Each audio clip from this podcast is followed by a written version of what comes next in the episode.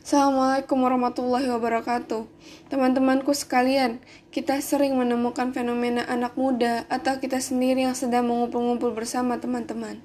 Di mata pun tempatnya menghabiskan waktu yang sangat panjang hanya untuk mengobrol-ngobrol hingga terkadang saat azan telah berkumandang, kita masih ada saja yang mengulur-ngulur waktu atau ada juga yang tidak sholat Inilah fenomena yang harusnya disayangkan yang kerap terjadi di generasi muda kaum muslimin.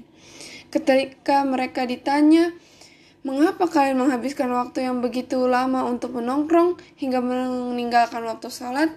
Jawaban mereka kebanyakan adalah, kami bisa rileks, kami bisa lari dari masalah, atau kami bisa menemukan solusi dari permasalahan yang kami hadapi dengan cara seperti itu.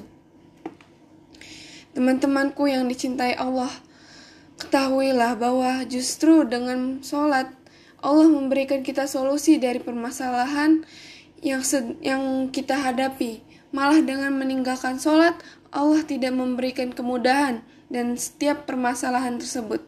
Hingga diriwayatkan Nabi Muhammad SAW ketika menghadapi permasalahan yang mereka yang menyusahkan beliau, Beliau langsung bersegera melaksanakan sholat, berdoa dalam sujud, meminta bantuan Allah, dan tidak lama Allah langsung memberikan bantuannya. Bukankah Allah berfirman dalam ayat Al-Quran yaitu Ya ayyuhallazina amanu bisabri wassalat Hai orang-orang beriman, mintalah pertolongan kepada Allah dengan bersabar dan sholat. Di samping sabar ada sholat, yaitu kunci utama kita bisa keluar dari permasalahan tersebut.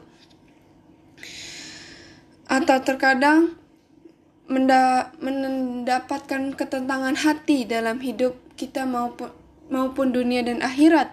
Justru dengan meninggalkan sholat, akan datang begitu banyak masalah, kesengsaraan, atau kesempitan hati dalam setiap kita menjalankan kehidupan sehari-hari. Oleh karena itu, kita jangan pernah meninggalkan sholat atau lupa akan itu. Untuk kita semua, kita harus selalu mengingat itu. Teman-temanku yang dicintai Allah, mungkin itu saja yang bisa aku sampaikan di dalam podcast ini. Wassalamualaikum warahmatullahi wabarakatuh.